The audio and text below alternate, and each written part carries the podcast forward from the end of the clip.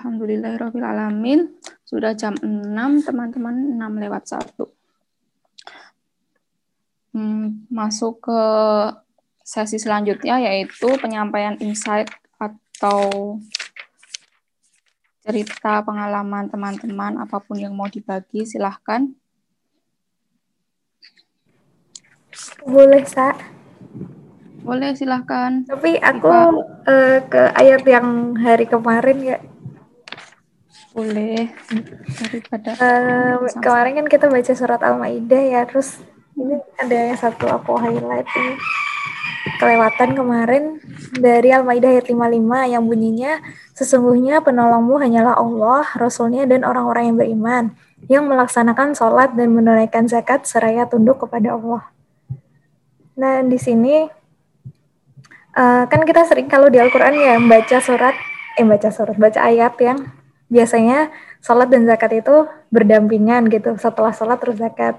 Terus kan uh, waktu itu aku pernah merangkum dari tulisan Ustadz, cuman aku lupa Ustadz siapa ya yang membahas tentang ini. Kenapa sih ayat ini tuh uh, sholat dan zakat itu didampingkan.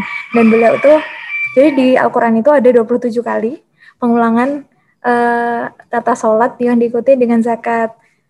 Menurut beliau, ada dua poin utama kenapa uh, sholat dan zakat ini didampingkan. Yang pertama itu, zakat dan sholat ini adalah uh, pilar agama Islam, di mana di rukun Islam kan disebut, disebutkan ber, uh, berdampingan juga ya. Yang pertama, eh yang rukun Islam yang kedua itu sholat, kemudian rukun Islam yang ketiga itu zakat. Dan yang kedua, uh, sholat ini tuh kan bentuk kewajiban kita sebagai hamba kepada Allah gitu, di mana kita melakukan ibadah yang kita tujukan kepada Allah atau uh, kita sebut dengan hablum minallah. Dan kemudian kalau zakat itu kan kewajiban kita uh, sebagai muslim di mana kita tuh mengeluarkan sebagian harta yang akan kita berikan kepada golongan-golongan uh, yang berhak untuk menerima zakat. Yang di sini kan menggambarkan kalau uh, apa menjaga hubungan kita sebagai manusia kepada sama manusia gitu ya atau hablum minanas. Nah, jadi menurut beliau Islam itu nggak semata-mata hanya gimana kita tuh menjaga hubungan baik kita kepada Allah, beribadah dengan segiat-giatnya, serajin-rajinnya. Gak cuma itu, tapi gimana juga kita menjaga hubungan kita kepada sesama manusia atau hablum minanas. Nah, dan ini mengapa di Al-Quran itu sholat dan zakat itu selalu berdampingan. Bukan selalu ya, kebanyakan berdampingan ayat-ayat ini. Dan aku sih mau sedikit sharing gitu ya, kan sekarang aku udah masuk tahun kedua kerja gitu. Dan aku melihat sendiri di sekeliling aku gitu, Nauzubillah ya masih banyak orang-orang tuh yang melupakan tentang kalau aku kan berarti masih kewajibannya membayar zakat profesi atau zakat penghasilan. Dan banyak banget itu nggak cuma satu dua orang ya orang-orang yang aku aja ngobrol gitu. Beliau-beliau ini udah uh, lebih dulu kerja dari aku mungkin udah beberapa tahun lebih awal. Tapi beliau tuh belum pernah membayar uh, zakat dari awal beliau masuk kerja gitu. Kan kalau misalnya zakat profesi itu nisab dan haulnya itu satu tahun ya. Dan nisabnya ada sendiri gitulah perhitungannya. Nah tapi aku menanyakan kepada beliau karena pas awal-awal aku kerja kan aku masih bingung gitu ini uh, perhitungannya gimana segala macam. Ternyata beliau tuh menyampaikan kalau dari awal beliau masuk tuh beliau hmm. belum pernah membayar zakat profesi itu kan. Nauzubillah ya jangan sampai gitu ya kita termasuk orang-orang yang seperti ini gitu karena zakat kan juga merupakan kewajiban gitu. Kalau misalnya nggak dikeluarkan kan zakat itu juga kita yang berdosa. Jadi uh, untuk rekan-rekan uh, yang mungkin sudah memiliki kewajiban bayar zakat di luar zakat fitrah ya, uh, entah itu zakat penghasilan atau kan zakat mal itu banyak ya ada zakat penghasilan, terus zakat emas, pertanian, peternakan, pokoknya macam-macam deh itu apa jenis-jenisnya gitu. Aku juga masih belajar gitu. Jangan lupa untuk dibayarkan juga zakatnya gitu. Dan yang terpenting memang menjaga uh, hubungan kita sama Allah. Seperti itu. Aku cuma ingetin itu aja sih. Terima kasih. Terima kasih jazakillah khair buat teh buat Tifa sudah menyampaikan reminder dan meng-highlight ayat Al-Maidah ayat 55 yang kemarin ketinggalan. Dari apa yang disampaikan aku juga nangkepnya ini suatu tersirat yang menyampaikan bahwa kita harus seimbang antara hablum minallah dan hablum minanas. Hablum minallah aja nggak bisa, hablum minanas aja apalagi nggak bisa, tapi harus kedua-duanya berjalan bersamaan. Monggo ada yang mau menambahkan lagi atau mau membahas ayat yang lain boleh. Menyampaikan cerita yang lain boleh.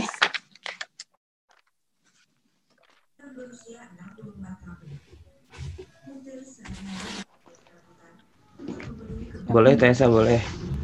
Silakan. Ya, bismillahirrahmanirrahim. Uh, makasih tadi Teh Teh Tifa ya udah iya, cerita. Ya, Tifa.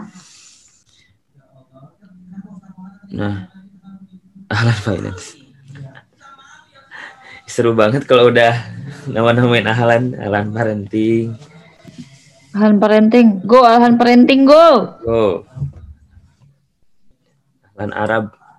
Nah, teman-teman sebenarnya mau cerita ya, tapi mau share screen. Ini ceritanya agak panjang, nggak apa-apa ya? Nggak apa-apa. Nggak apa-apa.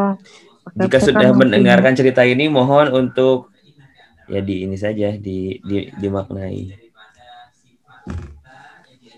Mana mau share screen muka kamu sendiri? Enggak belum. Kenapa ya? Sabar, ya? Bun. uh, sebenarnya ini startnya dari Al-A'raf ya. Al-A'raf. Al-A'raf startnya dari ayat 11. Walaupun sebelumnya udah disebutin banyak sih tentang eh, perkara jin, setan dan teman-temannya. Nah, kita coba mulai tentang perjinan ini. Tentang jin ya. Jin, iblis, dan manusia.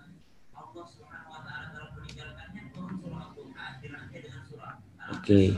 Saya mau ini jadi referensinya dari Ustadz Azimam uh, Hafizahullah dan juga Ustadz Faizar ya. Beliau memang ahli di di perjinan yang sudah mengkaji banyak hal dan juga dari guru mereka Dr. Syekh Ahmad Abduh, saya lupa namanya. Hafizahullah. Nah, mungkin di, di sini sih yang ini ya yang pernah ikut kajiannya bareng tuh ada Teh Hana sama Teh Fitri. Nanti boleh sharing juga. Karena kebetulan eh, sampai ke ayat ini jadi pengen sekalian diceritain aja gitu ya yang saya pernah dapetin biar teman-teman juga mungkin eh, jadi sefrekuensi gitu ya. Yang pertama tentang jin dulu. Jin itu tercipta dari apa teman-teman? Dari api jadi api. Sudah yakin jawabannya? Mau kalau ya, aku baru tahu kemarin ternyata jin udah dijelasin. Dari mana? Dari adanya coba lihat ar-rahman ayat ayat 50 Dr. Saad Said Ahmad Abduh nah itu gurunya Ustadz Faizar dan juga Ustadz uh, Ajimam. Saya mau nyerit nyeritain sedikit ya. Dr. Saad Said Ahmad Abduh ini tuh peneliti di Malaysia, peneliti tentang jin gangguannya dan juga sihir secara komprehensif menggunakan teknologi zaman sekarang. Kan zaman sekarang dengan teknologi yang bermacam-macam itu eh, nampaknya Allah ingin memperlihatkan saja ya pada akal-akal manusia yang perlu logika ini bahwasanya semua apa yang Allah ciptakan itu semua tuh nyata dan dapat dibuktikan lewat teknologi. Nah, eh, Dr. Sa'ad Said Ahmad Abduh ini benar-benar banyak membuktikannya juga. Beliau itu membaca ratusan buku tentang sihir dan jin dan menjadikannya ke satu buku yang sangat-sangat komprehensif. Bukunya namanya Marodu Sihir. Teman-teman bisa cari ya tentang buku namanya Marodu Sihir. Marodu As-Sihir. Semoga ada terjemahan bahasa Indonesia-nya selama ini belum saya temuin sih bahasa bahasa Arab adanya. Tapi mari kita lanjutkan. Jin di surat Ar-Rahman itu disebutnya kholakol jana. Eh salah. Kholakol jana. Lanjutin guys. Mim. Mimari jim minar. marijim min nar. Khalaqal jana mimarijim min nar di sini artinya eh, saya bacain ya dan dia menciptakan jin dari nyala api tanpa asap. Kalau misalkan di eh, ayat di terjemahnya gitu ya. Kita coba sedikit demi sedikit kita bahas. Khalaqal jana ini jan ini artinya apa?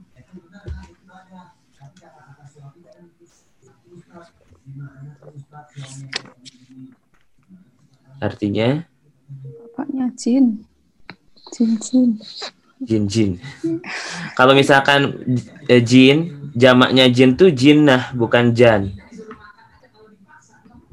Kalau jan sebenarnya ini adalah nenek moyangnya jin. Di, di punya namanya jan gitu ya. Nah di sini disebutkan eh, nenek moyang jin ini diciptakan dari api. Mariji minar itu maksudnya di sini adalah api yang tercampur.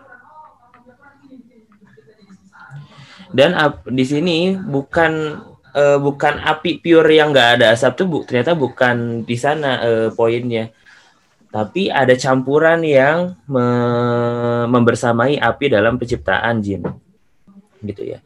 Kenapa bukan api? Karena Rasulullah SAW ada sebuah eh, episode di mana eh, beliau di depan Masjid Nabawi itu melempar jin dengan tangannya dengan tangan kosong tidak kepanasan. Ada anak-anak kecil pada saat itu menendang-nendang bola jin tidak kepanasan juga. Yang ternyata bukan dari api pure api tapi ada campuran. Gitu ya campuran eh, campuran api ini tuh terdiri dari berbagai elemen kayak avatar sumpah. Tanah air api tanah air. Dan pada intinya langsung ke intinya bisa salah.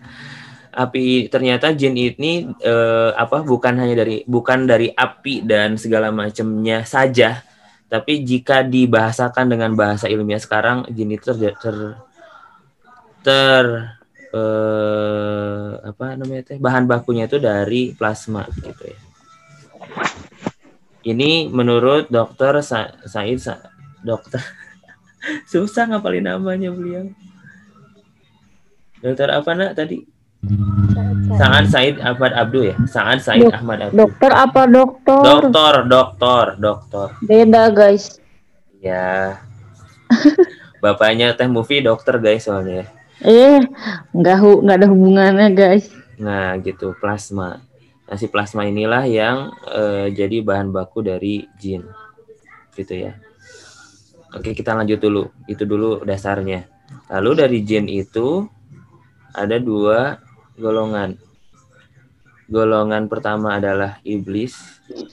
Golongan selain eh, eh, selanjutnya adalah golongan selain iblis. Siapa aja? Ya jin jin muslim ya seperti manusia.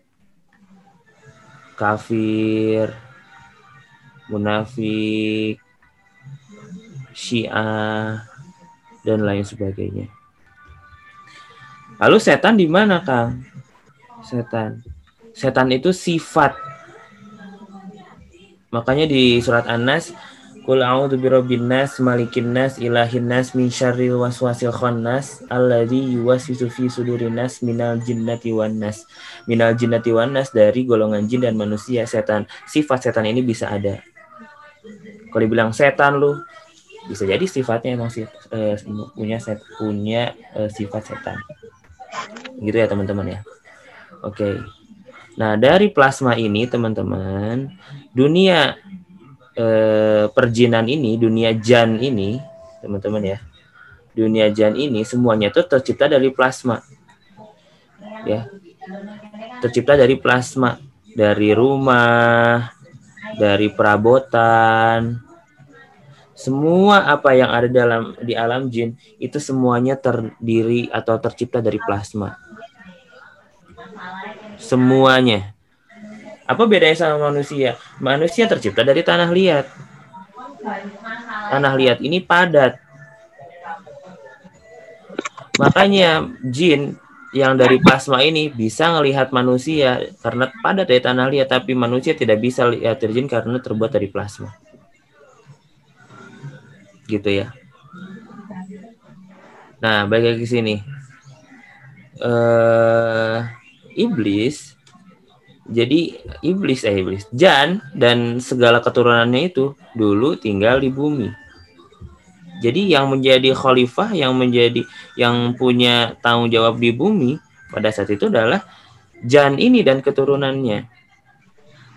Tapi karena berbuat kekacauan ya dan dikomandoi oleh iblis ini salah satunya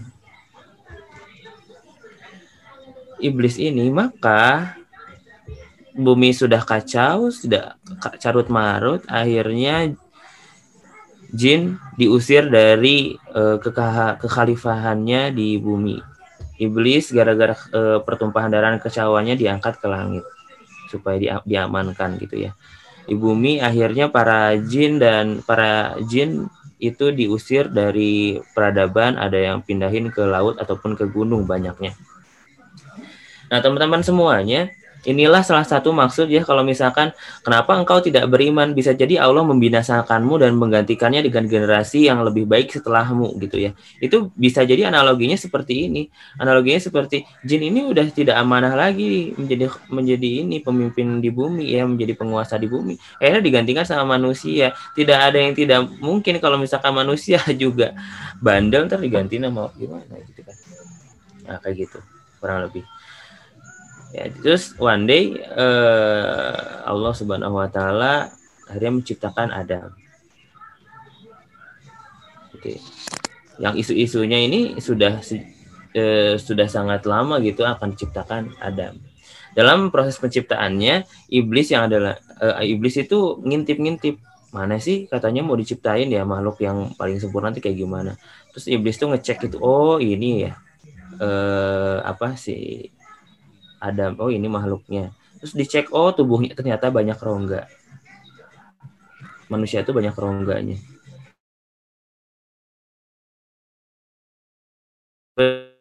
Bolong di pori gitu ya. Banyak banget rongganya dan ternyata rongga inilah yang mampu dimasuki oleh bangsa jin untuk masuk dan keluar dari tubuh manusia.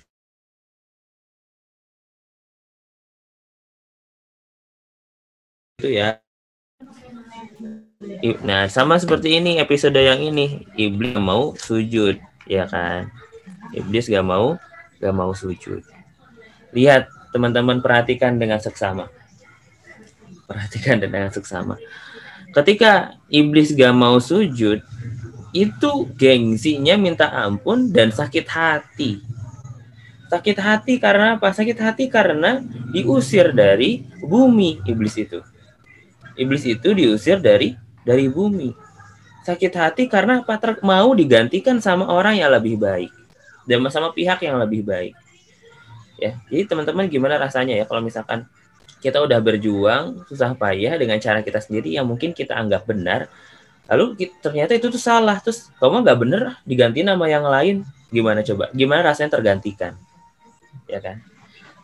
Mau udah udah susah payah mungkin berjuang digantiin sama orang sakit mungkin ada orang yang kecewa dan sakit hati gitu ya. Jika niatnya tidak benar. Nah iblis juga seperti itu ya kondisinya pada saat itu tidak apa eh, tidak mau sujud karena sakit hati oh ini yang mau menggantikan saya nggak mau. Gitu kan akhirnya enggan lah enggan bersujud enggan memberikan penghormatan. Teman-teman semuanya eh, setelah seperti itu malah kan kata iblisnya uh, aku lebih baik daripada dia. Engkau ciptakan aku dari api, sedangkan dia ciptakan uh, dia engkau ciptakan dari tanah. Allah berfirman, maka turunlah kamu dari surga. Karena kamu tidak sepatutnya menjombokkan diri dalamnya. Keluarlah, semuanya kamu termasuk makhluk yang hina. Udah di ini kan udah ada pertemuan antara Allah yang menciptakan iblis sendiri itu dengan iblisnya. Bayangin udah lihat Allah, udah bertemu dengan Allah, itu nggak ada yang ampuni aku ya Allah. Nggak ada saking sombongnya gitu ya. Kita mah kalau misalkan nggak belum apa ya, kita masih kita yang masih dalam taraf, taraf beriman aja ke Allah udah takut ya Allah. Ih, gitu ya, ngerasa serem gitu kalau dengan ayat-ayat neraka, ayat-ayat eh, yang emang membuat kita eh, ngeri gitu ya. Ini mah udah ngelihat langsung Allah yang nyiptain ya gitu masih aja enggak ber ya Allah maafkan aku enggak tapi jawaban iblis apa di ayat 14 berilah aku penangguhan waktu sampai hari mereka dibangkitkan. Enggak enggak enggak jangan sekarang. Aku minta waktu sampai mereka dibangkitin. Sampai mereka nanti eh, apa turun ke bumi dan segala macamnya gitulah. Pokoknya ingin membawa mereka itu eh, ke neraka juga gitu. Saking dendamnya saking kesumatnya gitu ya itu bukan minta ya Allah ampuni aduh maaf. Enggak gitu ya. Tapi eh tangguhin lah. Jangan dulu lah. Aku mau menghasut mereka dulu. Itulah luar biasa ya. Ngeri banget. Gitu. Nah gitu. Terus iblis menjawab, Allah berfirman benar kamu termasuk yang diberi penangguhan waktu. Allah berfirman, eh iblis menjawab, "Karena engkau telah menyesatkan aku, pasti aku akan selalu menghalangi mereka dari jalanmu yang lurus. Kemudian pasti aku akan mendatangi mereka dari depan, belakang, dari kanan, kiri mereka dan engkau tidak akan mendapati mendapati kebanyakan mereka bersyukur." Nah, makanya iblis punya eh, apa punya misi, eh punya visi gimana supaya seluruh manusia itu tergoda. Makanya dengan dari cara depan, belakang dan segala macamnya. Gimana teknisnya? Ya kan? Bayangkan teman-teman seperti ini. Ini iblis, ini taktiknya, strateginya ya. Kepada setiap manusia yang lahir, lahir, lahir,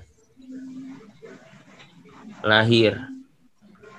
Setiap satu manusia yang lahir, satu manusia yang lahir itu ada korin.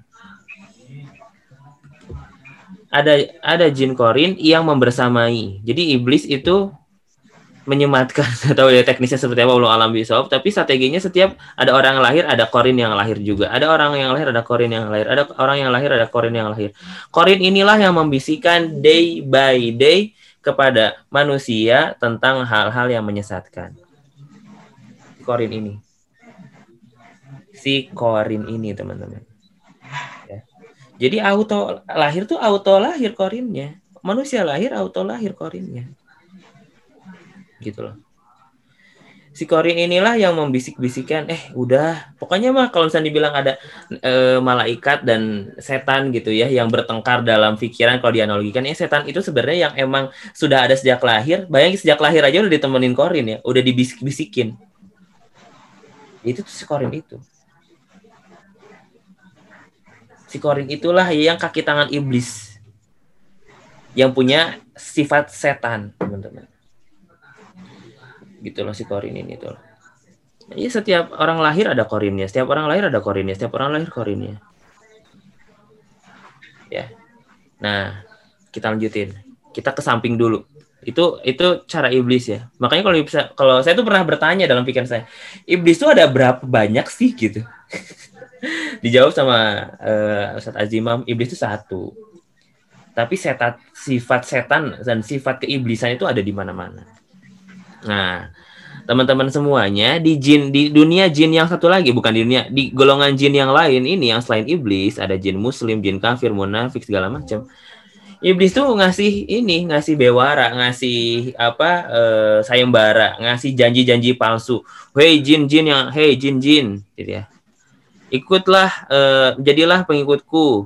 Jadilah followersku ntar aku kasih uh, kalau kamu uh, apa berhasil menggoda manusia aku kasih mahkota aku kasih uh, apa kekuasaan aku kasih kenikmatan. Yuk siapa yang mau? Yuk yuk bisa yuk nah jin-jin yang uh, tertipu muslihatnya iblis ini mereka ngikutin iblis. Ngikutin iblis buat bantuin korin di setiap orangnya. Gue enggak jadi uh, iblis ini bikin konten, banyak yang follow, banyak yang ngikutin, ya kan? Buat bantuin si Korin ini, yuk nih bantuin Korin ini, bantuin Korin ini, bantuin Korin ini. Yang berhasil menceraikan orang. Manusia, aku kasih eh, apa ganjaran, aku kasih bonus. Siapa yang membuat eh, manusia tidak fokus pada sholatnya, aku kasih bonus, aku kasih eh, tahta harta yang berhasil membuat orang lalai sholatnya, eh, merasa takut untuk bersedekah dan segala macam itu mereka iblis jin ini gitu loh yang ter yang tergoda sama iblis akhirnya memiliki sifat setan dan membantu Korin. Jadi Korin tuh, eh ayo le sini sini, ayo ayo bantu saya, bantu saya. Gitu. Serem ya. Nah, lanjut. Jin-jin jin yang muslim ya muslim dengan kemuslimannya gitu. Yang kafir-kafir ini yang kafir segala macam yang tergoda sama iblis dengan hasutan-hasutannya. Itu ada bantu bantuin Korin gitu loh. Nah, gimana eh, sistem kerja Korin dan Jinnya seperti ini? Ini ada manusia. Aku nggak bisa gambar orang ya, bisanya stickman nggak apa Nah, ini eh, manusia ini apa eh, ininya eh, guidebooknya manusia supaya bisa di jalan yang lurus ada dua yaitu Al-Quran dan Sunnah. Ketika Al-Quran dan Sunnah ini dijalankan maka menjadi tameng. Kalau bahasa gamenya shield. Ya kan? Kalau darahnya atau HP-nya udah mau dikit, Quran dan Sunnah itu jadi healing, heal, nge-heal. Jadi jadi pelindung Al-Quran, Sunnah, Al-Quran, Sunnah dijalankan ya. Pelindung. Tapi jika Al-Quran dan Sunnahnya tidak dijalankan, shieldnya atau tamengnya ini akan semakin tipis. Akan jadi semakin tipis. Gak bisa ngeheal HP-nya makin dikit. Ini HP itu apa? Iman. Ya, makin tipis. Bar HP-nya. Dan ketika semakin tipis, jika ada penyakit hati, ada dosa. Ini ibarat bangkai. Ketika ada bangkai dalam hati kita, dalam tubuh kita, ada penyakit hati, ada dosa dalam tubuh kita, maka Korin dan teman-teman jin eh, kafir dan jin zolimnya itu, ini seperti lalat yang akan mendatangi bangkai ini.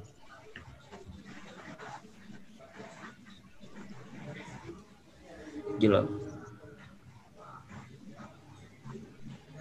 Jadi kalau misalkan apa ya si iblis si apa sih gak mau ada jen apa gak mau ada setan gitu ya ada gak mau ada jin zolim dalam diri kita maka jangan sampai ada bangkai biar lalatnya nggak masuk ke sini. Bayang nggak teman-teman? Nah setelah itu nih lihat ya teman-teman. Kita perlu benar-benar memaknai setiap Quran, setiap eh, apa yang Allah eh, firmankan dan apa yang Rasulullah SAW itu sabdakan. Dosa ini bahkan bukan hanya dari dosa besar, dosa-dosa kecil aja itu bisa mendatangkan lalat-lalat dan menjadikan diri kita itu penuh bangkai. Bisa mendatangkan jin dan korin itu sendiri gitu loh. Makan berdiri. Kan udah dibilangin gitu kan, jangan makan berdiri itu sunnahnya makanlah duduk. Jangan ngemubazirin makanan. Jangan ngemubazirin makanan. Jangan ngemubazirin makanan karena kemubaziran itu temannya setan. Udah jelas-jelas tem temannya setan. Setan seneng eh, apa kemubaziran ya didatengin gitu loh. Bayang gak sih? Ya kan?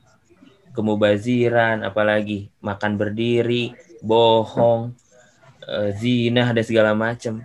Itu senang banget gitu. Weh, korinnya seneng, gue ya, gue udah uh, menjerumuskan. Jin-jin yang ngerajin zolimnya, yang setan-setan itu ngerasa menang, nguap gitu, nguap sampai ada suaranya, nguap. Itu nguap itu jalan tolnya masuk jin ke tubuh kita perlu ditahan jangan sampai kebuka kalau tutup cara nutupnya gini nih pakai tangan kiri pakai yang apa telapak tangan kita seperti itu teman-teman ya.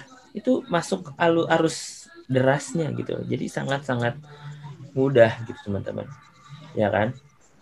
Nah banyak juga tentang sunah-sunah yang lainnya yang apa ya?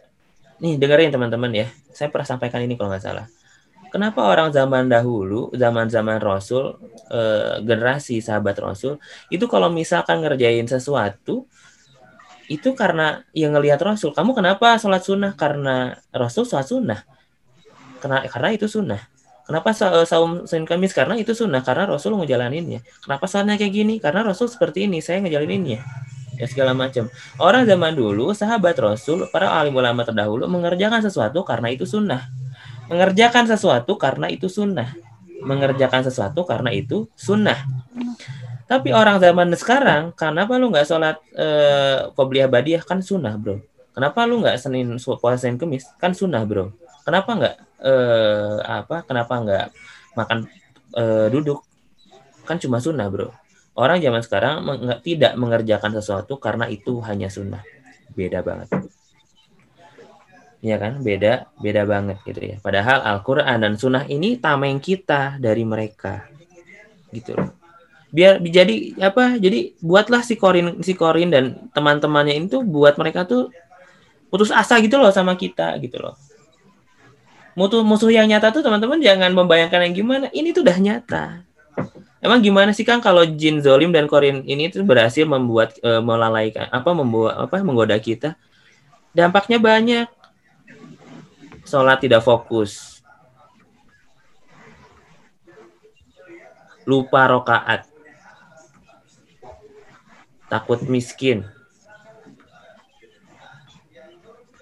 takut masa depan, Lagi aman menutan. ya kan? Tidak percaya janji Allah. Bahkan bisa sampai ke apa? Eh menceraikan, masya Allah, menceraikan. Ya kan?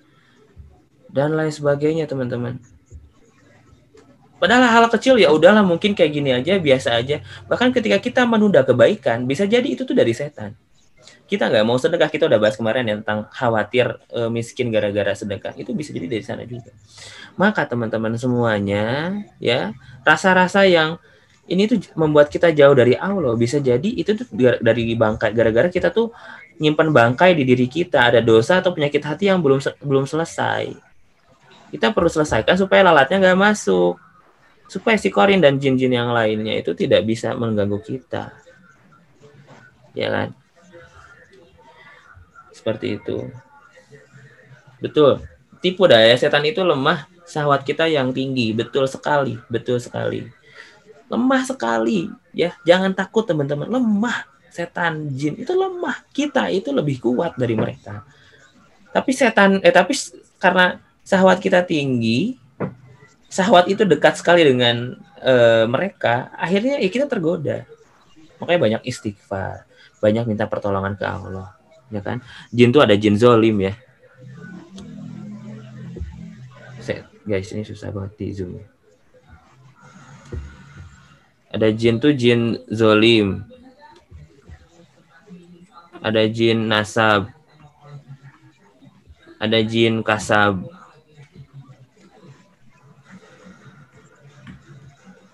Jin zolim, nasab, kasab, jin pecinta. Jin apa lagi ya? Zolim, nasab, kasab, kasab, pecinta.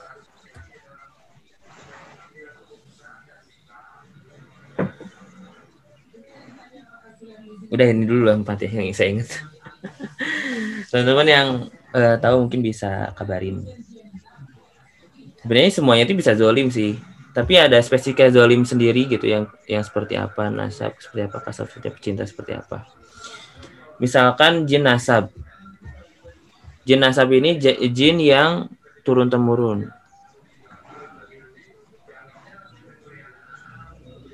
turun temurun eh nempel di orang karena keturunannya. Ya, turun temurun. Gitu ya.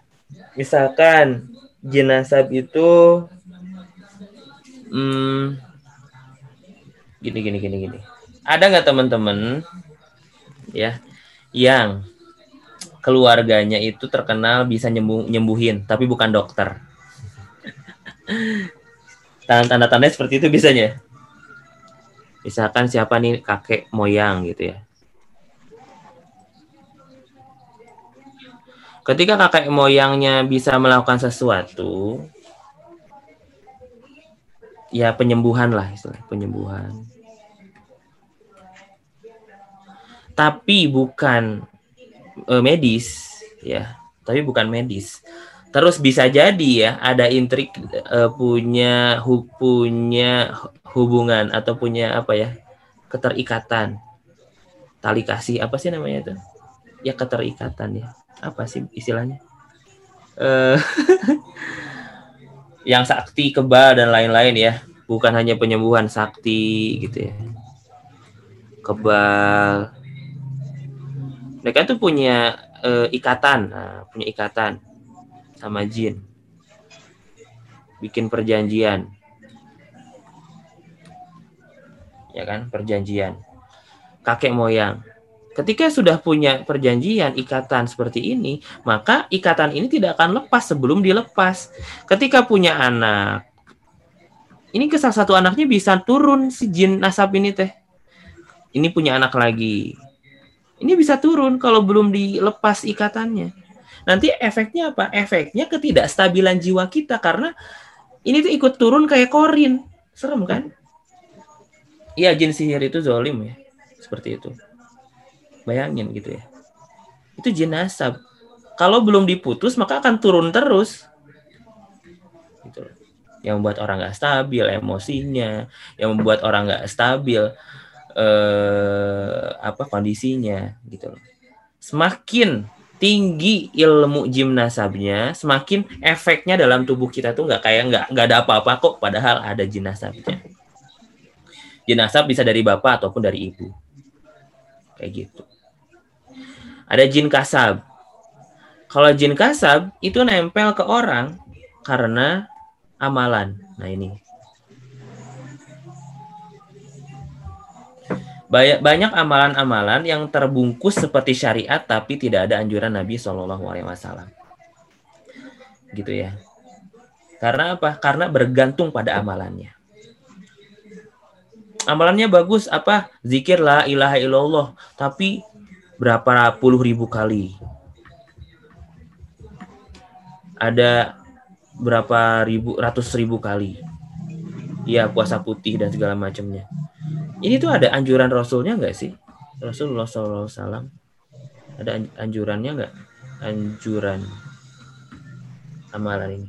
Ketika amalan-amalan baik ini disalahgunakan, disalahartikan, ku baca ini berapa puluh ribu kali, kamu kuat, rezeki kamu lancar, segala macam. Coba lihat ini tuh dari hadis yang mana Rasulullah SAW menganjurkan apa enggak? Kalau enggak, siapa yang bertanggung jawab dengan amalan ini? Ketika orang melakukan amalan tersebut terus fokusnya tuh ke amalan. Gitu loh. Bukan ke la, makna la ilaha illallahnya tapi ke amalannya. Jadi akhirnya menuhankannya itu bukan menuhankan Allah tapi menuhankan amalannya. Gitu loh. Nah amalannya inilah yang membuat jin itu masuk gitu. Oh ya, dia udah mengamali sesuatu gitu ya biar uh, apa biar kebal apa segala macem. Ada ada bacaan bacaannya segala macem. Akhirnya niatnya tuh niatnya ke sana ke si ayatnya gitu bukan ke Allahnya. Menuhankan si uh, amalannya si yang diucapkan segala macem. Gitu ya teman-teman ya. Nah seperti itulah maka amalan ini bahaya kalau tidak sesuai syariat Rasul. Lalu keempat ada jin pecinta jin pecinta ini nih yang yang jin jin yang suka sama kita.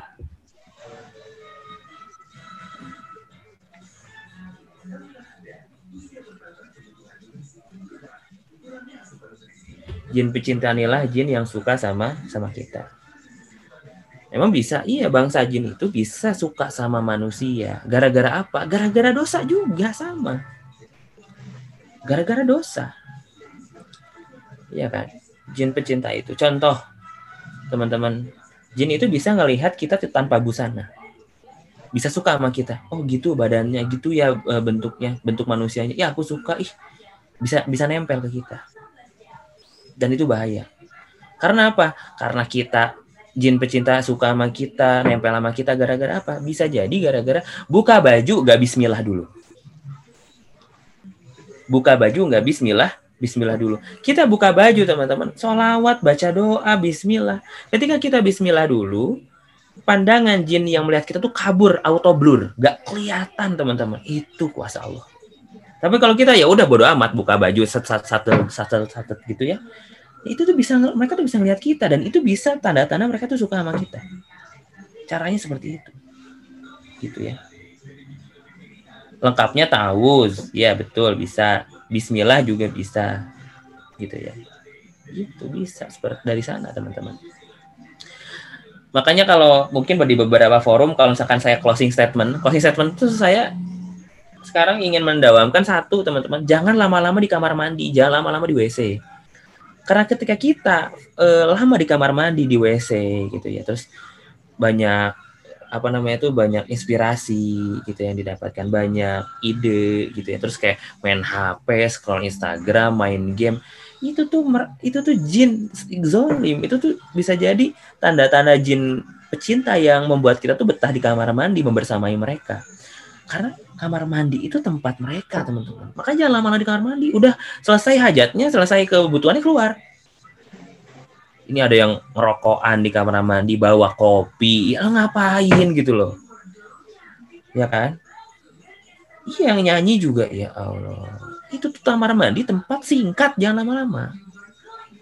Bisa jadi ada jin pecinta yang ikat kita di sana. Kalau jinjit pecinta udah masuk ke dalam tubuh kita, nauzubillah min dalik ya, mengalir di aliran darah kita, itu efeknya akan luar biasa banyak, teman-teman. Gitu ya, jin pecinta ini tuh. Lagi sholat, nggak fokus, mikirin ide, mikirin apa, itu jin lagi, itu jin zolim, itu setan gitu loh. Dan Korin itu seneng banget kalau misalkan manusianya udah banyak dosa, Korin itu gampang, ya guys ini bantuin gue dong. Gitu loh. Eh bantuin gue, ah ya gitu ya kan jadi jangan sampai teman-teman ya lanjut jin pecinta jin pecinta ini uh, uh, apa tanda-tanda uh, kalau misalkan kita ada jin pecintanya gitu ya pertama biasanya banyak dari mimpi mimpinya gimana kak mimpinya bisa pertama tentang ular. Mimpi tentang ular, ya kan? Dikejar ular, bersama ular, dipatok ular, ular hitam bermahkota atau hitam saja.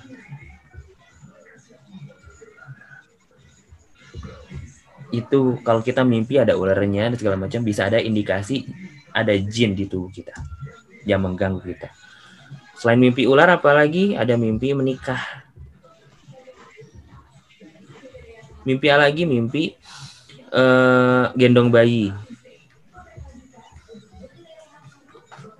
Mimpi uh, apa namanya tuh aktivitas setelah menikah. Mimpi kejatuhan duren. Menikah. Aktivitas setelah menikah itu bisa eh hubungan suami istri sering banget mimpi hubungan suami istri itu bisa jadi dari sini ya teman-teman semuanya ya jadi serem banget itu serem banget. Apalagi yang masih jomblo guys kita single ya. Itu hati-hati juga. Hati-hati juga. Perlu banyak banyak banget eh, dosa yang perlu kita tahu bati gitu. Tanda lainnya selain mimpi tuh gatel-gatel. Gatel gatel di paha. Yang pakai medis udah segala macam udah. Nggak hilang hilang gatelnya bisa jadi juga dari situ Tanda lainnya suka sering ragu. Ini gini nggak ya? Ini gitu nggak ya? A atau B nggak ya? Uh, lama nih pusing ya Allah gimana? Di orang apa kita ragu itu bisa jadi di jin, guys. Gitu loh. Gitu. Dan yang lebih parahnya lagi, jin pecinta ini mereka luar biasa pecemburu. Sehingga akan banyak sekali jalan untuk membuat seseorang itu tidak jadi menikah dan gagal menikah.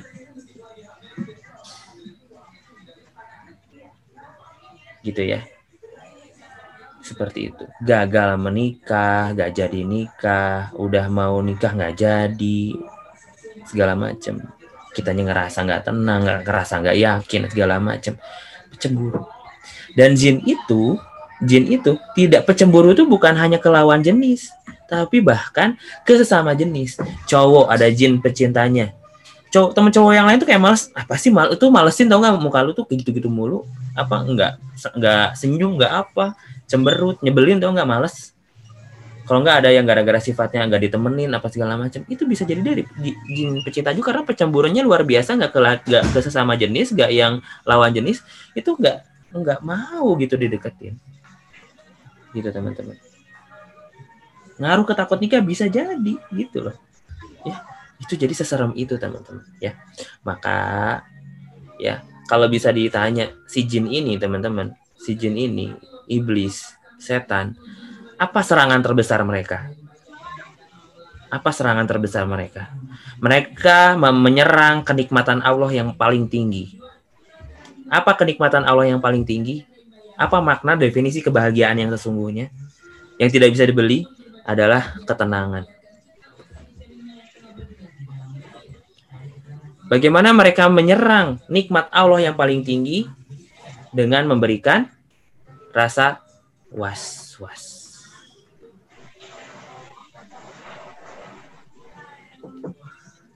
Ya.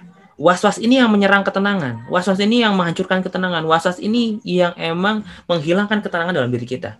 Ini serangan tertinggi mereka. Ini skill paling tinggi mereka tuh memberikan ketenangan, memberikan was-was dan was-was ini nggak auto. Was-was ini karena ini tuh skill paling tinggi, ini serangan paling tinggi itu perlu waktu step by step. Kalau kita udah ngerasa was-was, berarti udah banyak sekali proses yang dilalui oleh ji- jin zolim, setan dan korin itu untuk menyerang kita. Kita ngerasa sekarang was-wasnya udah, udah berapa tahun mungkin atau berapa bulan, berapa puluh tahun mereka tuh nyerang kitanya. Gitu loh. Yang mereka tenang, yang mereka serang tuh ketenangan kita. Makanya ya, ya eh, ya Yuhan nafsul mutmainnah irji'i ila rabbiki radiyatan mardiyah. Allah tuh nyuruh pulang, yo pulang ke- eh, padaku, ya tobat padaku. Itu orang yang dipanggil tuh orang yang tenang gitu loh. Orang yang udah merasakan nikmat Allah tertinggi di dunia tuh ketenangan, bukan harta. Harta banyak tapi nggak tenang buat apa? Gitu loh. Ya kan? Ketenangan udah fix. Makanya teman-teman dari kerumitan gambar saya ini ya intinya kita perlu banget banyak minta tolong ke Allah. Hilangkan bangkai-bangkai dosa penyakit hati yang ada dalam hati. Teman-teman ya, teman-teman semuanya. Penangkalnya ikuti sunnah Rasulullah Shallallahu Alaihi Wasallam. Lakukan sesuatu karena itu sunnah. Niatkan itu sunnah. Kenapa rambut kamu dipanjangin? Ini sunnah Rasulullah SAW pernah. Ini riwayatnya. Kenapa kok potong kuku? Ini sunnah, ini riwayatnya. Karena jin mereka itu ada di aliran darah kita, teman-teman. Jin zolim itu mereka bersemayam di aliran darah darah kita. Ya. Dan mereka bersemayam di organ tubuh kita yang paling lemah. Ya, yang paling yang paling lemah. Ya. Mereka stay, uh kejauhan stay di anggota tubuh kita yang paling lemah. Mungkin nanti eh, link-link yang ada di kolom chat itu bisa di forward juga di grup ya. Stay di anggota tubuh kita yang paling lemah. Contoh ada yang stay-nya itu di eh, di mana gitu. Oh, yang yang membuat organ pencernaan kita lemah, akhirnya stay-nya di sana. Oh, ini mah eh, tangannya yang lemah, stay di sana. Oh, ini mah organ yang mana yang lemah, stay di sana. Makanya supaya anggota tubuh kita nggak lemah, kita perlu memperbaiki makan makanan. Ya. Pelemahan anggota tubuh kita tuh dari makanan salah satunya. Maka hindari jangan terlalu banyak karbo. Ini hindari udah hindari bahkan asatid asatid itu nyuruh uh, nyuruh di apa udah kurangi nasi gitu loh. Kalau makan nggak pakai nasi pun nggak apa-apa gitu. Dikit aja nasinya nggak apa-apa. Perkarbonan nasi dan segala macamnya itu perlu dihindari teman-teman gitu ya seperti itu di perut. Makanya eh, apa yang paling benar itu ya sunnah rasul makannya kayak gimana Ma, eh, berhenti sebelum kenyang ya kan? Buah-buahan dulu madu itu paling benar itu. Itu salah satu menjaga metabolisme diri kita supaya sehat dan supaya setan itu tidak mudah masuk ke dalam tubuh kita. Terigu-teriguan teman-teman kurangi deh. Terigu-teriguan kurangi ya kayak gitu. Gitu sih ya yang bisa saya ceritakan. Sebenarnya banyak mungkin Teh Hana mau nambahin Teh Fitri atau teman-teman yang lain silahkan. Rumit sekali gambarnya.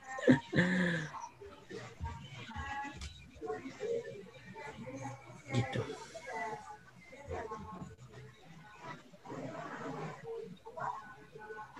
Aku nambahin tentang makanan kali ya. Boleh. Sedikit. Ya teman-teman kan sebenarnya udah pernah dibahas juga ya kalau you are to you are what you eat. Kamu tuh apa yang kamu makan dan itu tuh ya Allah semerinding itu ternyata kalau ngegali yang efek makanan ke tubuh kita kayak gitu. Jadi kan memang nggak cuman halal ya harus toyib juga berdasarkan tafsir Ibnu Kasir, toyib itu artinya baik untuk tubuh kita kayak gitu. Nah, makanan-makanan yang zaman sekarang kayak gimana sih? Tadi udah disinggung sedikit sih sama Kang Isal. Dia kan banyaknya tepung-tepung gitu ya. Terus juga yang wah kayaknya enak-enak gitu ya, apalagi kalau ngelihat uh, food vlogger gitu kan udah auto pengen ya makan kayak gitu yang mukbang-mukbang Nah, itulah yang ternyata relate banget sama masalah anak zaman sekarang. Masalahnya apa? Mager. Iya enggak sih? Kenapa mager? Karena ternyata uh, tepung-tepungan itu itu uh, berpengaruh sama produksi lendir di tubuh kita. Nah, lendir ini sifatnya itu membuat malas gitu. Jadi kalau di apa ya uh, bahasan medisnya tuh yang teori aku pun turis tuh. Nah, itu tuh ada kondisi-kondisi tubuh kita yang ternyata ngaruh sama sifat kita. Jadi ada kondisi panas, dingin, berlendir atau enggak. Kalau yang panas biasanya ya kondisi tubuhnya tuh panas, itu orangnya gampang emosian, kayak gampang kepancing sama sesuatu gitu. Nah, kalau dingin biasanya cenderung tenang ya. Jadi kalau ada apa-apa tuh ya pelan-pelan gitu ya, sabar gitu. Nah, terus kalau berlendir ini, nah itu ngaruhnya ke males gitu. Nah, aku tuh pas tahu itu pertama kali langsung, iya banget ya generasi sekarang kan hashtagnya rebahan kayak gitu. Udah ah, aku rebahan dulu atau apa. Nah itu ternyata ngaruh banget dari makanan. Makanya uh, jin itu kayak membisik-bisik kita biar ya makan-makannya yang kayak gitu terus, yang enak-enak terus gitu yang pada akhirnya nanti mereka bisa masuk dan diam di pencernaan gitu dirusaklah dari pencernaannya awalnya dari situ nanti komplikasi jadi ya memperparah kondisi fisik kita kayak gitu. Jadi akhirnya kita lalai ya sama tugas-tugas kita sebagai manusia. Ya, makasih Teh Fitri gitu ya. Intinya itu dari makanan dijaga, terus Al-Quran sunnahnya dijalankan. Dan terakhir untuk mendeteksi kita tuh ada apa, apa ada gangguan apa enggak dan segala macamnya bisa rukyah mandiri jika tidak ada perukyah di daerahnya. Rukyah mandiri aja dengan bacaan-bacaan rukyah ayat-ayat rukyah ya. Banyak banget di internet di YouTube. Dan sebenarnya materi ini ini relate banget sama materinya Ustadz Faizar nanti satu pemateri kita eh, di ahlan eh, kelas wajib ya di Januari nanti. Jadi teman-teman ini mungkin bisa jadi eh, apa? Bisa jadi apa namanya tuh jadi referensi awal gitu ya biar kita nanti ya. Coba kepoin YouTube-nya Ustadz Faizar teman-teman ya. Insya Allah banyak banget di sana pelajaran akidah. Aku ngelihat jin, rukyah, dan hal yang berkaitan dengan itu semua itu tuh semuanya adalah teori adalah ilmu tauhid yang aplikatif gitu ya. Gitu aja. Terus nanti kalau misalkan udah dirukyah mandiri ya dan itu berhasil bisa jadi. Dan itu prosesnya nggak langsung sekali rukyah auto sih. Banyak uh, jalannya banyak prosesnya. Uh, nanti keluarnya bisa dari berbagai macam. Bisa dari pori-pori kita keluar ya, dari telinga yang angin keluar seakan-akan ada keluar angin e, sendawa buang air besar buang air kecil muntahan itu banyak banget cara mereka keluar jadi e, seperti itulah itu tentang bab rukyah mungkin e, di waktu yang lain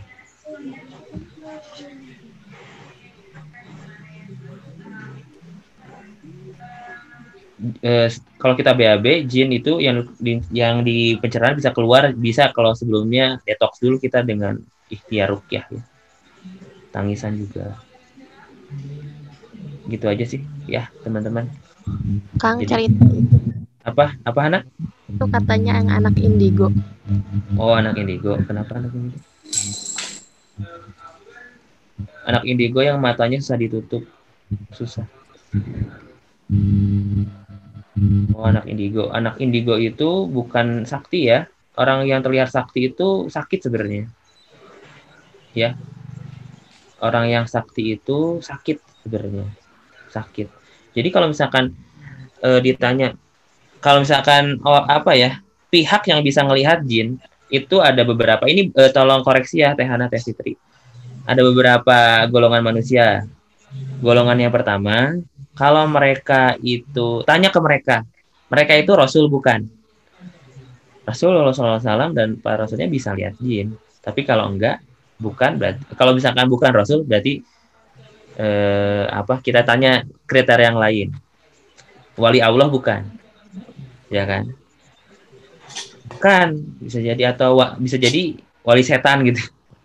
Waliullah bukan, bukan. Oke, yang lain gitu ya sakit gak gitu kan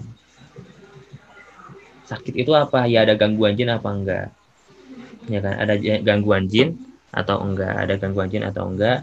Jadi kalau misalkan bukan itu ya kalau bisa ngelihat kalau enggak gangguan jin ya dukun biasanya. Banyak kan asat ustadz ustadz yang mengaku ustadz sih tapi sebenarnya dia dukun. Sebenarnya punya ikatan perjanjian sama setan sama jin buat ngebantuin dia. Ngejual eh, barang-barang jimat-jimat segala macam atas nama apa dengan apa dengan dalil ini atas nama Allah padahal eh, jin jimat-jimat tersebut itu tuh untuk menjadi syarat eh, perjanjian terhadap setan serem lah pokoknya maka gitu teman-teman ya jadi intinya eh, indigo itu salah satunya itu yang lihat kan indigo itu bisa ngelihat ini jin ya itu tuh entah dia emang ada gangguan jin yang eh, bersemayamnya di mata atau ada ikatan sama jin. Nah, ketika jin kit apa orang bisa ngelihat jin itu indigo deh dipasangin dua orang. Dua orang indigo di satu tempat. Yang mereka lihat sama enggak? Beda, teman-teman. Ya, beda. Yang mereka lihat beda karena apa? Pandangan mereka itu berdasarkan imajinasi setiap orang. Pandangan indigo itu berdasarkan imajinasi setiap setiap orang.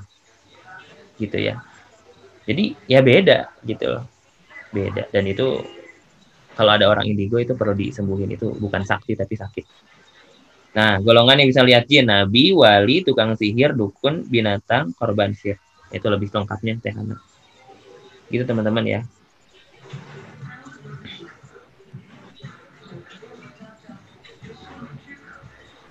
Masya Allah. Buat pagi ini dari Kang Isa. Tadi eh, Teh Eriza katanya mau cerita, sharing. Kang Isal sudah atau masih ada yang mau ditambahkan? udah pokoknya ini dulu. Saya babnya banyak ya. Eh snacks-nya teman-teman bisa cek eh, YouTube-nya Ustaz Faizar Hatamin aja. Itu seru banget emang tentang akidah sih intinya ya biar apa ya kalau mungkin di YouTube YouTube lain ya namanya setan tuh oh ada setan. Kayak setan tuh diagungkan banget kayak berbahaya gitu ya. Di YouTube-nya Ustaz Faizar nggak ada harga dirinya setan itu eh, perlu ditonton dari awal sampai akhir ah, relate sama yang aku jelasin silahkan udah itu aja Mangga Teh Erisa tadi katanya mau sharing. Masih ada waktu insya Allah sampai setengah delapan. Silahkan. agak malu sih bisa hadir. Enggak apa-apa. Aku tuh pernah ikut kajian gitu, pernah nyatet sih ada di catatan. Jadi kan di Quran surat Al-A'raf itu kan eh, yang mendatangi mereka dari depan, dari belakang, dari kanan dan kiri mereka.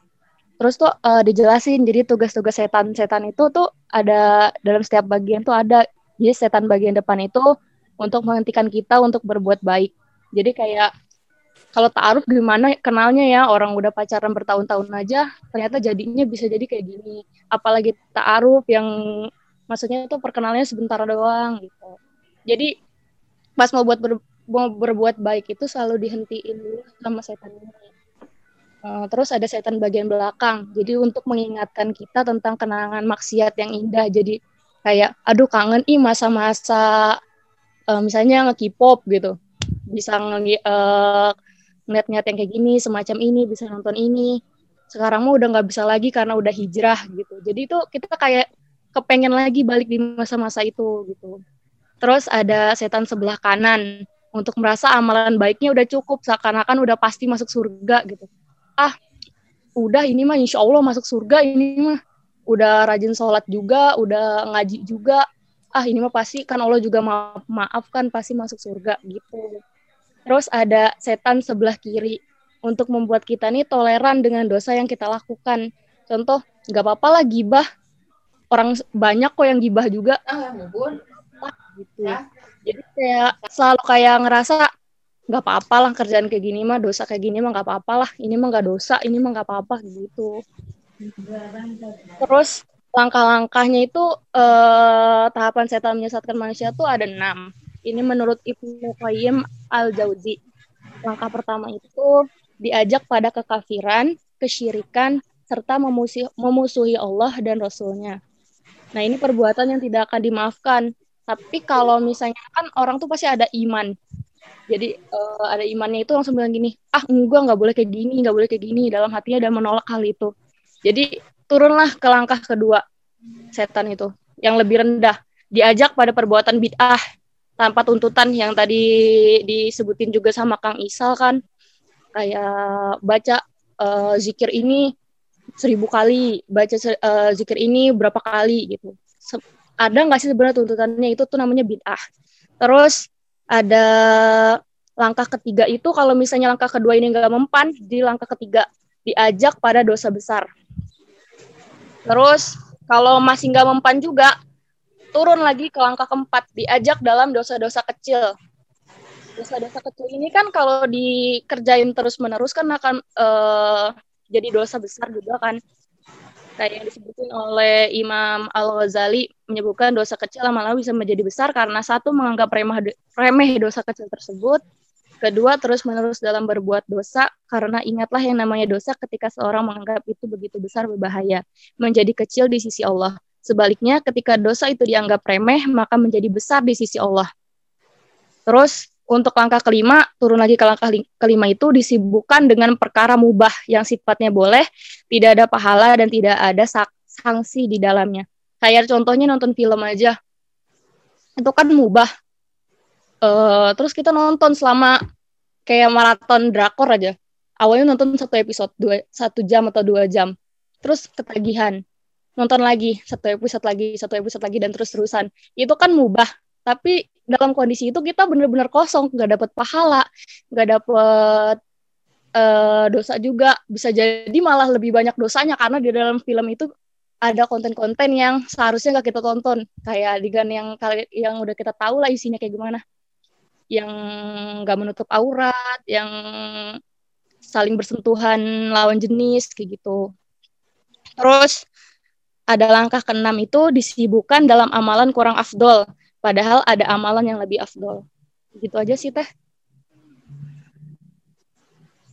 Maaf ya kurang jelas, aku tuh suka susah sendiri kalau ngomong.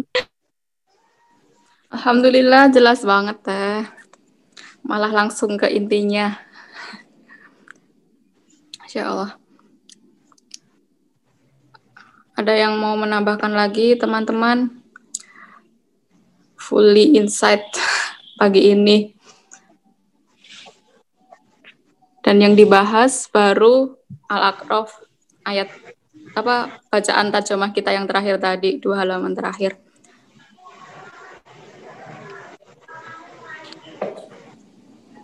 Mungkin catatannya Teh Eriza tadi bisa di-share di grup kali ya, itu cukup Iya, menarik juga. Teh Tifa ada nggak ya ini tadi katanya izin keluar mau minta tolong nanti chatnya juga diekspor ya Tifa minta tolong karena begitu banyak juga di, di chat tidak terrecord dari kamera eh screen Di ini aja di Ctrl A, Ctrl C, Ctrl A, Ctrl C, Ctrl V di chat itu langsung ke paste. Oke. Monggo ada yang lain mau menambahkan membahas insight yang lain, ayat yang lain dari Al-An'am tadi ayat 100 tiga dari 100 102 eh enggak 100 Mau nambahin boleh teh? boleh. Teh Anissa Yang- silakan. Iya, eh, yang dijelasin sama Teh Eliza juga tadi ya, itu kan Al-A'raf ayat berapa ya tadi? Oh yang kita baca apa godaan dari kanan, kiri, belakang, ya kan ya? Ayat Eh 17. ayat 17 Oh iya ya 17, iya. ya 17 Nah, itu kan tadi dijelasin ya maksud-maksud apa yang dari kanan dari eh dari kanan dari kiri gitu.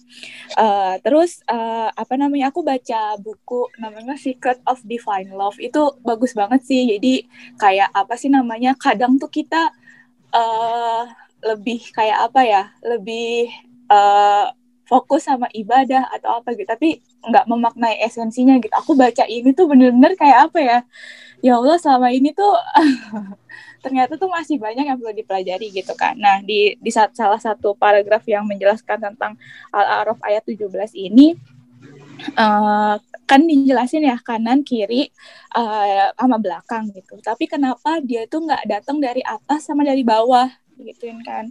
Terus dijelasin di sini karena kalau eh, karena sebenarnya eh, revelation atau apa namanya wahyu itu datangnya dari atas. Ya nggak sih? Apa wahyu Allah itu datangnya dari atas. Terus dia uh, setan itu nggak bisa uh, approach us from below. Apa uh, mendekati kita atau menggoda kita dari bawah. Karena sebenarnya saat kita sujud gitu kan uh, kita tuh me- merepresentasikan uh, the station of surrender and humility gitu. Kayak kita tuh pasrah dan uh, apa namanya istilahnya ya pasrah saat kita bersujud gitu kan. Jadi tuh Allah tuh uh, apa namanya ya me- menyuruh kita untuk sujud itu sebenarnya untuk itu gitu. Apa menunjukkan kalau kita tuh pasrah gitu kan. Soalnya kan kalau setan itu kan uh, arogan ya dia pasti men- meninggikan gitu. Sedangkan kita disuruh sujud gitu kan.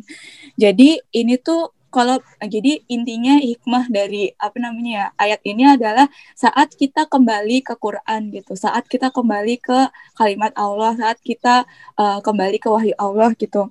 Uh, kita itu di protected gitu kan from the tem- the temptation of syaitan gitu. Kita itu dilindungi dari godaan-godaan setan gitu terus kayak apa namanya ya eh, jadi ya itu tadi sih cuma meng, meng- apa ya merangkum semua apa yang dijelasin sama Kang Isa kan sama Teh Eriza gitu kan. Eh, jadi sebenarnya tuh Allah tuh udah ngasih tahu caranya gitu loh untuk menolak segala godaan setan ini gitu loh. Gimana ya? Kayak pernah dijelasin juga ya Allah tuh ngasih ujian selalu sama jawabannya gitu. Selalu sama em, apa namanya eh, cara menyelesaikan solusi itu gitu. Jadi dari ayat ini gitu kan saat setan bilang, "Ya aku bakal godain manusia" gitu kan. Eh, dari kanan, dari kiri, dari belakang. Cuman Allah tuh udah nunjukin caranya gimana cara kamu supaya bisa terlepas dari eh, godaan ini ya kembali ke Quran gitu. Kayak tadi Kang Isa bilang kembali ke Quran kembali ke sunnah gitu. Terus apa untuk sholat untuk sujud gitu supaya kita dilindungi dari godaan-godaan setan itu. Gitu sih nambahin itu aja. Di- terima kasih Teh Anissa sudah menambahkan. Eh, aku jadi keinget beberapa hari lalu mulai ngeliat juga yang Ustadz Nuzul Zikri yang apa tafsir tafsir Quran ya tafsir ayat Al-Quran itu dimulai dengan tafsir istiadah. Nah, bacaan ta'awudz. Kayak yang dibilang tadi Allah itu menurunkan permasalahan pasti sudah ada tools untuk penyelesaiannya termasuk untuk gangguan setan ini. Toolsnya adalah kita tidak boleh eh, kita tidak di tidak ada ayat Al-Quran yang menyuruh kita untuk menghadapi setan itu teman-teman. Tapi kita disuruh berlindung kepada Allah karena memang kita nggak bisa kalau mau berhadapan dengan setan itu sendiri. Dan dengan salah satunya yaitu dengan membaca a'udzubillahi minasyaitonirrajim atau ada ada yang lain bacaan yang lain. Tapi kebanyakan itu kan kita kenalnya. Bisa dimaknai kembali itu bisa di, bisa dilihat yang Ustadz Uzul Zikri yang bacaan apa tafsir ta'awudz itu itu teman-teman ada tambahan lagi Nambah dikit, eh, aku baru dapat kemarin ini dari eh, salah satu ustadz ya. Ustadz ini dapat referensi dari seorang peneliti di ITB. Di ITB meneliti Quran tapi menarik banget. Nah, eh, yang diteliti adalah tentang Al-Fatihah dan Anas. Teman-teman kalau kita perhatikan di Al-Fatihah dan Anas ini eh, di sana di di Al-Fatihah tuh minta pertolongan ke Allah. Ihdinas syiratal mustaqim. Minta pertolongan ke Allah, minta ditunjukin jalan yang lurus gitu kan. Eh, di Anas, Al-Falaq Anas juga minta perlindungan ke Allah. Di Al-Qur'an, pembuka dan penutupnya itu dua-duanya adalah minta perlindungan, minta protection, minta pertolongan ke Allah. Kenapa? Yang diyakini adalah karena manusia hidup di dunia yang berbahaya, tidak baik-baik saja, manusia lemah, butuh perlindungan dan pertolongan Allah. Bahkan di awal dan di akhir Al-Quran saja itu full of eh, apa ya? Iya itu doa untuk meminta pertolongan dan perlindungan kepada Allah. Itu yang pertama. Yang kedua, makanya teman-teman kita maknai di Al-Quran. Kalau ada kata-kata, jangan kan, janganlah engkau jadikan setan itu teman setiamu. Janganlah engkau meminta pertolongan pada setan. Janganlah eh, apa setan itu musuh yang nyata. Setan itu yang ber- berbahaya, menyeret kepada neraka dan segala macam. Teman-teman sekarang setelah dijelaskan tentang perjinan ini, kita lebih bisa memaknai gitu ya peran setan dalam hidup kita teh ke mana, ya kan? Misalkan musuh yang nyata, ya sih musuh. Tapi tahu nggak sih mereka tuh nyerang kita di dari mana? Nah ini nyerangnya tuh dari sektor-sektor ini, gitu loh. Ke, eh, kebayang nggak sih mereka teh eh, apa me- menjerumuskan kita tuh ke arah mana? Ya ini sektor-sektor ini. Jadi lebih kita bisa maknai musuh yang nyata, jangan jadikan eh, teman, jangan jadikan minta pertolongan ke mereka dan segala macam. Gitulah ya. Baik lagi ke Quran dan Sunnah. Gitu. aku langsung merinding terharu. Masya Allah. Ya, gitu. Terima kasih Kang Gisel tambahannya. Ada tambahan lagi teman-teman? Aku mau highlight ayat lain boleh? boleh sekali Teh Fitri ya. Silahkan. Aku mau highlight eh, Quran Surat Al-A'raf ayat 29. Nah, eh, di sini katakanlah Tuhanku menyuruhku berlaku adil, hadapkanlah wajahmu kepada Allah pada setiap sholat. Dan sembahlah dia dengan mengikhlaskan ibadah semata-mata hanya kepadanya. Kamu akan dikembalikan sebagaimana kamu diciptakan semula. Nah, di sini tentang ikhlas sih. Nah, ini salah satu ya yang eh, jadi paling sering jadi gangguan atau godaan setan pun tentang keikhlasan ya, teman-teman.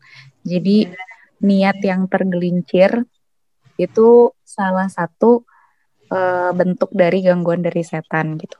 ya ketika setan ini udah nggak berhasil ya untuk eh, menghalang-halangi kita dalam kebaikan, nah pada akhirnya dibuatlah bagaimana ke- kebaikan itu jadi tidak bernilai lagi. gitu. Makanya perintah Allah itu bukan hanya untuk sholat, bukan hanya untuk puasa, bukan hanya untuk ngaji, tapi bagaimana sholat, puasa, dan lain-lainnya memang semata-mata karena Allah gitu. Dan di sini mengikhlaskan ibadah semata-mata untuknya.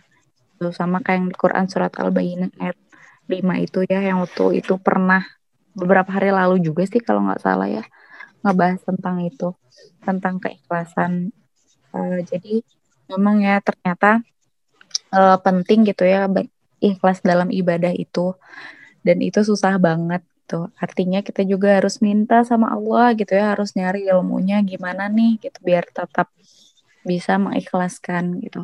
Ya jangan sampai mau terperdaya ya kepada eh, tadi gangguan-gangguan atau bisikan-bisikan setan yang pada akhirnya kita eh, jadi nggak ikhlas gitu.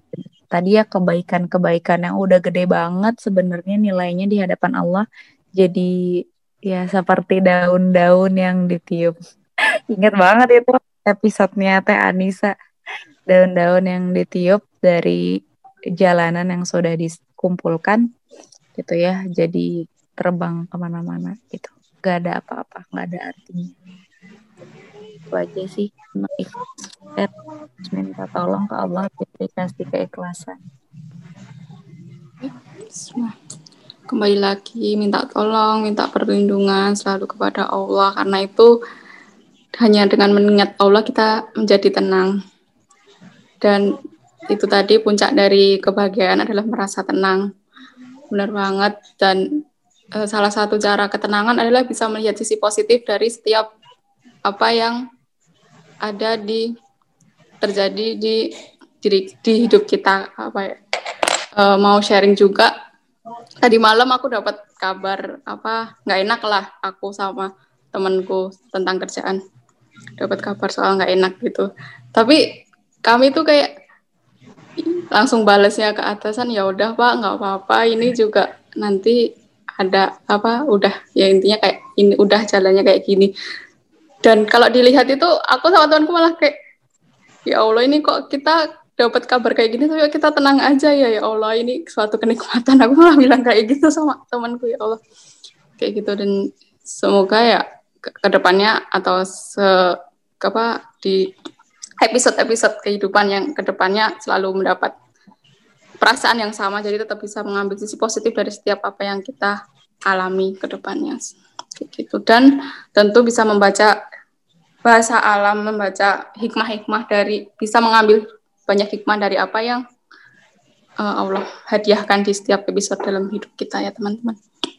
Salah satunya dengan mentadaburi Al-Quran ini insya Allah nanti pasti apa yang kita lihat itu kembali lagi ke Al-Quran, apa yang kita lihat itu kembali lagi ke Al-Quran. Gitu. Ada yang mau menambahkan? Insya Allah masih ada waktu sekitar 10 menit. Aku mau nambahin dong. Maaf, Silahkan. Lulu ya ini. Silahkan. tentang ikhlas ya. Eh, nggak tahu ya rasanya tuh emang aku sering hidup sendiri ya.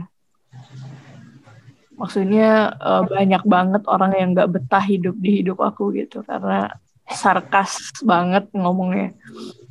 Terus jujur banget lah. Akhirnya eh, lama-lama ketika apa ya dari sisi ibadahnya diperbaikin gitu ya ada loh temen yang nyantol jadi eh, apa aku ngerasanya gitu ya orang tuh mungkin apa kenapa Eh, aku akhirnya eh ngerasanya tuh ini jelas nggak sih? Jelas, jelas. Iya, akhirnya aku ngerasa kalau misalnya ibadah itu emang apa ya? Pertama tuh nggak cuman mendekatkan diri kepada Allah gitu ya. Tapi ya senantiasa juga mendekatkan diri, maksudnya dibukakan jalan dakwah gitu ya, jalan syiar, kolaborasi gitu.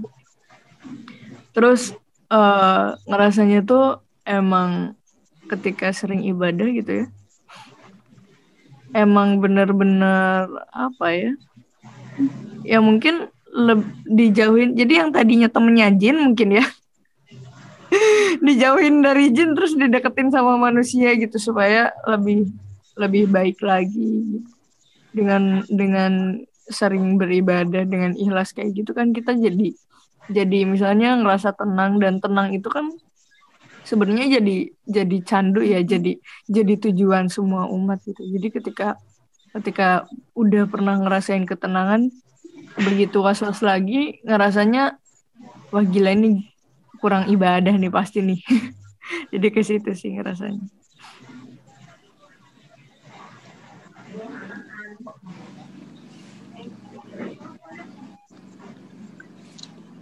Udah, Lulu. Terima kasih tambahannya. Ya. Nggak bisa berkomentar karena udah setuju 100% aku mah. Hmm. Terima kasih insight pagi ini, terima kasih reminder pagi ini, banyak banget. Teh Lydia semangat ya, kita dibersamai Teh Lydia pagi ini sebagai notulis, teman-teman. Boleh banget nanti dibantu buat nulis di grup juga insight-insightnya atau sharing apa catatan-catatan yang tadi dibacakan agar memudahkan Teh Lydia juga. Udah 723. Ada yang mau menambahkan lagi? Dulu nih meneliti ketenangan manusia. Ketenangan itu didapatkan ya perlu diteliti dan dicari.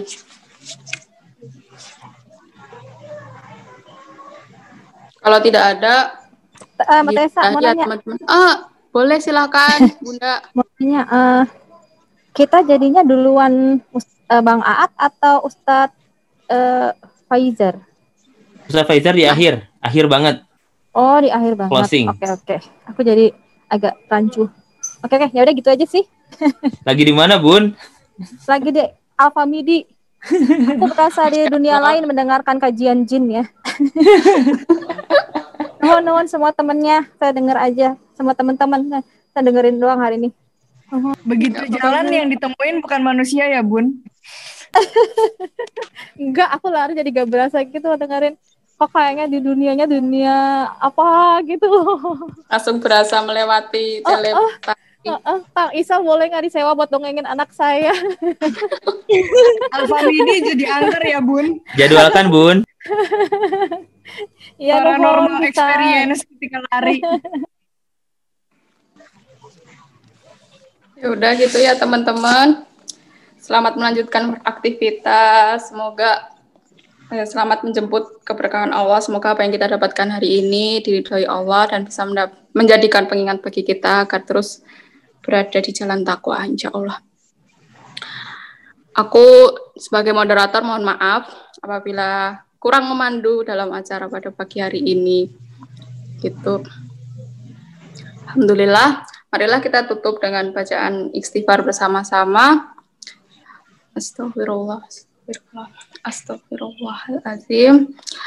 Alhamdulillah dan doa penutup majelis.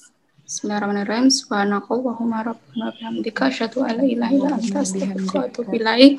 Sekian, selamat beraktivitas. Jangan lupa senyum. Assalamualaikum warahmatullahi wabarakatuh. Waalaikumsalam warahmatullahi wabarakatuh. Makasih Tessa, makasih teman-teman semuanya. kasih semuanya.